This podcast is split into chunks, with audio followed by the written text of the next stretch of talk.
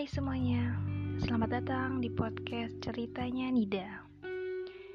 Di podcast ini, gue akan nge-share beberapa cerita pribadi gue, atau mungkin membacakan puisi yang udah gue buat.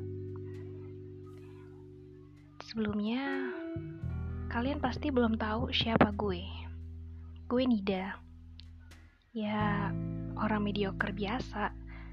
Tapi gue suka aja gitu berbagi cerita atau pandangan lainnya.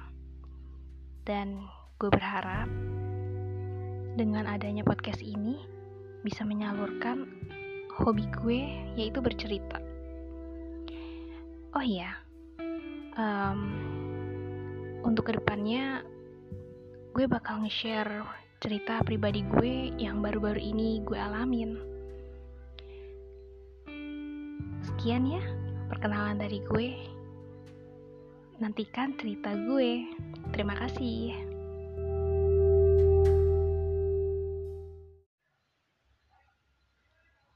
Bertahan bukan pilihan yang gampang. Terlebih ketika bertahan itu malah menyakiti perasaan kita sendiri. Iya, gue ngalamin hal itu. baru-baru ini sih. Tapi gue sempat mikir, buat apa sih mempertahankan suatu hal yang bikin hati kita sakit? Gue memilih bertahan saat itu karena gue berpikir bahwa mungkin gue nya aja yang bermasalah atau mungkin cara berpikir gue aja yang salah sampai-sampai gue ribut sama pasangan gue sendiri. Iya itu pemikiran awal gue. Gue takut kalau gue berpisah dengan dia gue gak bakal ngedapetin sosok yang seperti dia. Sabar ngadapin gue dan dia yang menyayangi gue begitu tulus. Itu awalnya. Tapi lambat laun dia mulai menjauh dari gue. Dia beda. Gue pun heran. Gue berusaha untuk menghubungi dia mengawali chattingan yang biasanya diawali oleh dia. Balasannya lama. Gue gak ngerti deh tuh. Apa sih yang ada di pikirannya dia? Sampai suatu ketika gue berpikir untuk gak ngechat dia duluan. Kenapa? Gue mau tahu apakah dia akan mencari gue atau dia merasa nyaman tanpa adanya chat dari gue. Sampai akhirnya gue pun mendapat jawaban itu. Dia nggak lagi mencari gue, tidak lagi mengkhawatirkan gue, meskipun gue mengkhawatirkan dia. Berusaha untuk memulai obrolan baru. Tapi dia nggak pernah. Oke, saat itu gue berpikir, udah saatnya gue memutuskan apa yang seharusnya dari awal gue putuskan. Keesokan harinya, gue berusaha untuk menanyakan sama dia, dia kenapa? Lalu, dengan entengnya dia bilang, dia ada masalah di rumahnya.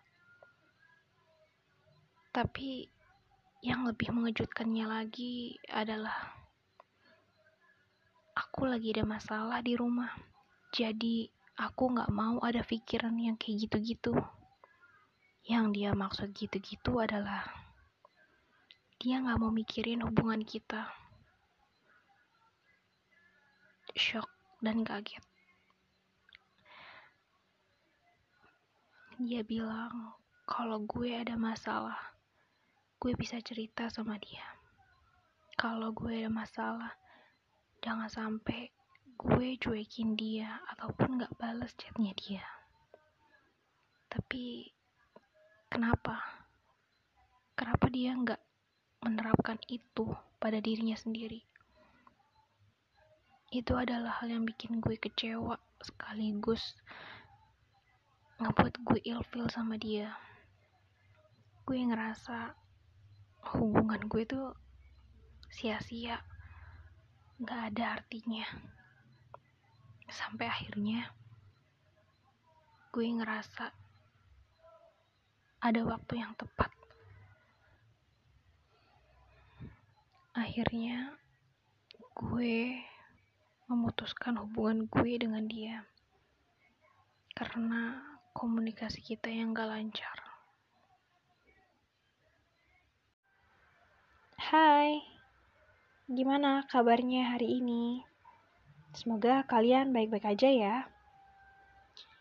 Ceritanya Nida kali ini berawal dari pengalaman gue nih. Jadi, kalau orang baru putus cinta, pasti ada beberapa kalimat yang muncul di kepalanya. Ya, termasuk gue. Kayak seandainya coba aja kenapa sih hubungan sama dia harus usai? Kalimat-kalimat ini meluncur di kepala tatkala seseorang putus jalinan kasih. Dan sama kayak beberapa orang lain gue juga ngalamin beberapa momen kebersamaan itu muncul terus mengingat setiap janji yang pernah diucapkannya waktu itu gak jarang itu nyebabin luka yang ngebuat gak nyaman. Sedih dan rasa rindu untuk bisa sama-sama dia. Tapi gimana? Sebuah hubungan harus dijalani oleh kedua pihak, bukan hanya satu orang. Kalau kita sayang tapi dia enggak, I think there's no reason for stay. Coba, betapa beratnya jatuh cinta sendirian, berada dalam hubungan yang cuma membuang waktu bertahan sama hubungan yang seharusnya usai, tapi malah maksain bersama. Kalau buat gue sendiri, gue akan memutuskan sesuatu yang buat diri gue happy. Even harus usai. Walau putus itu adalah suatu hal yang gak mudah, karena ketika hubungan lo berada di ambang ketidakjelasan, lo mau harapin apa lagi? Jadi, walau masih sayang, masih pengen bersama, kadang memang cinta nggak bisa memiliki karena emang begitu adanya. Mungkin kisah gue ini bisa relate sama kalian. Atau mungkin kalian tahu rasanya cinta tapi harus melepaskan karena tak ingin memiliki. Jadi merelakan itu bisa gue bilang another level of pain. Rapuh, ya saat itu memang begitu. Tapi mau gimana? gue cuma bisa belajar ikhlas dan terus memberi pengertian sama diri sendiri bahwa mungkin Tuhan sedang menyiapkan jodoh yang terbaik buat gue. Dan lebih baik merelakan daripada kita memiliki seseorang tapi hatinya bukan untuk kita. Hmm. Gimana menurut kalian? Kalian juga pernah kan ngerasain kayak gitu? ya itu beberapa ceritanya Nida ya um, kurang lebih kayak gitu sih sekian ceritanya Nida semoga kalian suka ya bye Hai selamat datang di podcast ceritanya Nida oh iya gimana kabar kalian hari ini semoga nggak ada yang baru putus ya oh iya ngomong-ngomong putus pasti ada beberapa kalimat yang terlintas di kepala kita. Kayak seandainya aja gue gak putus sama dia. Coba aja dulu gue gak kenal dia. Ngapa sih hubungan sama dia harus selesai? Kalimat-kalimat itu meluncur di kepala tatkala seseorang putus jalinan kasih. Dan sama seperti beberapa orang lainnya, gue juga ngalamin kok beberapa momen kebersamaan itu muncul. Terus mengingat janji yang pernah diucapkan doi waktu itu. Bahkan gak jarang, itu ngebuat luka, ngebuat gak nyaman, sedih, dan rasa rindu untuk bisa sama-sama dia. Ya, tapi gimana? Bukannya sebuah hubungan harus dijalanin sama kedua belah pihak, bukan cuma satu orang. Kalau kita masih sayang, tapi dianya enggak, I think there's no reason for stay. Coba bayangin betapa berat jatuh cinta sendirian. Berada dalam hubungan yang cuma membuang waktu. Bertahan sama hubungan yang seharusnya udah usai. Tapi maksain bareng-bareng. Ya, kalau buat gue sendiri sih, gue bakal mutusin sesuatu buat diri gue happy walaupun dengan cara berpisah. Ya emang, putus itu suatu hal yang gak gampang. Karena ketika hubungan lo berada di ambang ketidakjelasan, lo mau ngarepin apa lagi? Jadi, walaupun masih sayang, masih pengen bisa bareng-bareng, kadangkala memang cinta tidak bisa memiliki karena emang begitu adanya. Mungkin kisah gue ini bisa relate sama beberapa dari kalian. Kalian mungkin tahu rasanya cinta, tapi harus memiliki.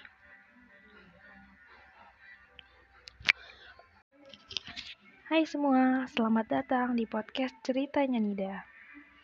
Gimana kabar kalian hari ini? Semoga baik-baik aja ya, dan gak ada yang baru putus. Oh iya, ngomongin masalah putus, pasti ada beberapa pertanyaan yang muncul dalam kepala. Kayak, kenapa sih kok gue sama dia harus udah? Dan seandainya aja gue masih mempertahankan hubungan gue dengan dia. Kalimat-kalimat itu meluncur di kepala seseorang saat baru putus dan sama kayak beberapa orang lainnya gue juga kok ngalamin hal itu kayak keinget beberapa momen kebersamaan itu muncul keinget sama janji-janji dia dan gak jarang sih itu malah menorehkan luka dan ngebuat gue gak nyaman sedih dan kangen untuk bisa sama-sama dia tapi gimana bukannya sebuah hubungan itu harus dijalani oleh kedua pihak, bukan cuma satu orang. Dan kalau kita masih sayang tapi dianya enggak, I think there's no reason for stay. Coba lo bayangin deh, betapa beratnya jatuh cinta sendirian, berjuang sendirian, berada dalam hubungan yang cuma ngebuang waktu lo, bertahan sama hubungan yang seharusnya udah selesai dari awal tapi malah maksain bersama. Kalau untuk gue sendiri gue akan memutuskan sesuatu yang bikin diri gue happy walaupun itu harus usai walau putus itu adalah suatu hal yang gak gampang. Karena ketika hubungan lo berada di ambang ketidakjelasan lo mau mengharapkan apa lagi? Walaupun masih sayang masih pengen sama-sama. Kadangkala memang cinta itu nggak bisa memiliki. Karena ya emang gitu. Mungkin kisah gue ini bisa relate sama beberapa dari kalian ya kalian yang baru ngalamin putus juga tau lah rasanya putus cinta tuh kayak gimana tapi harus melepaskan orang karena tak ingin memiliki seseorang yang hatinya udah bukan buat kita lagi, emang gak gampang. Tapi daripada kita menyakiti diri kita dan juga orang yang kita sayang, kayaknya lebih baik berpisah ya. Merelakan seseorang yang kita sayang itu kayak another level of pain. Dan kalau dibilang rapuh saat itu, ya bisa dibilang kayak gitu Tapi mau gimana? Kalau gue sih cuma bisa belajar ikhlas dan terus ngasih pengertian sama diri sendiri. Kayak mungkin Tuhan lagi nyiapin jodoh yang terbaik buat gue. Atau mungkin Tuhan ingin mendewasakan cerita cinta gue makanya mengirimkan seseorang ini walaupun berakhir dengan cara yang tidak gue inginkan. Ya, perjalanan cinta memang gak pernah segampang kelihatannya ataupun seindah di TV-TV.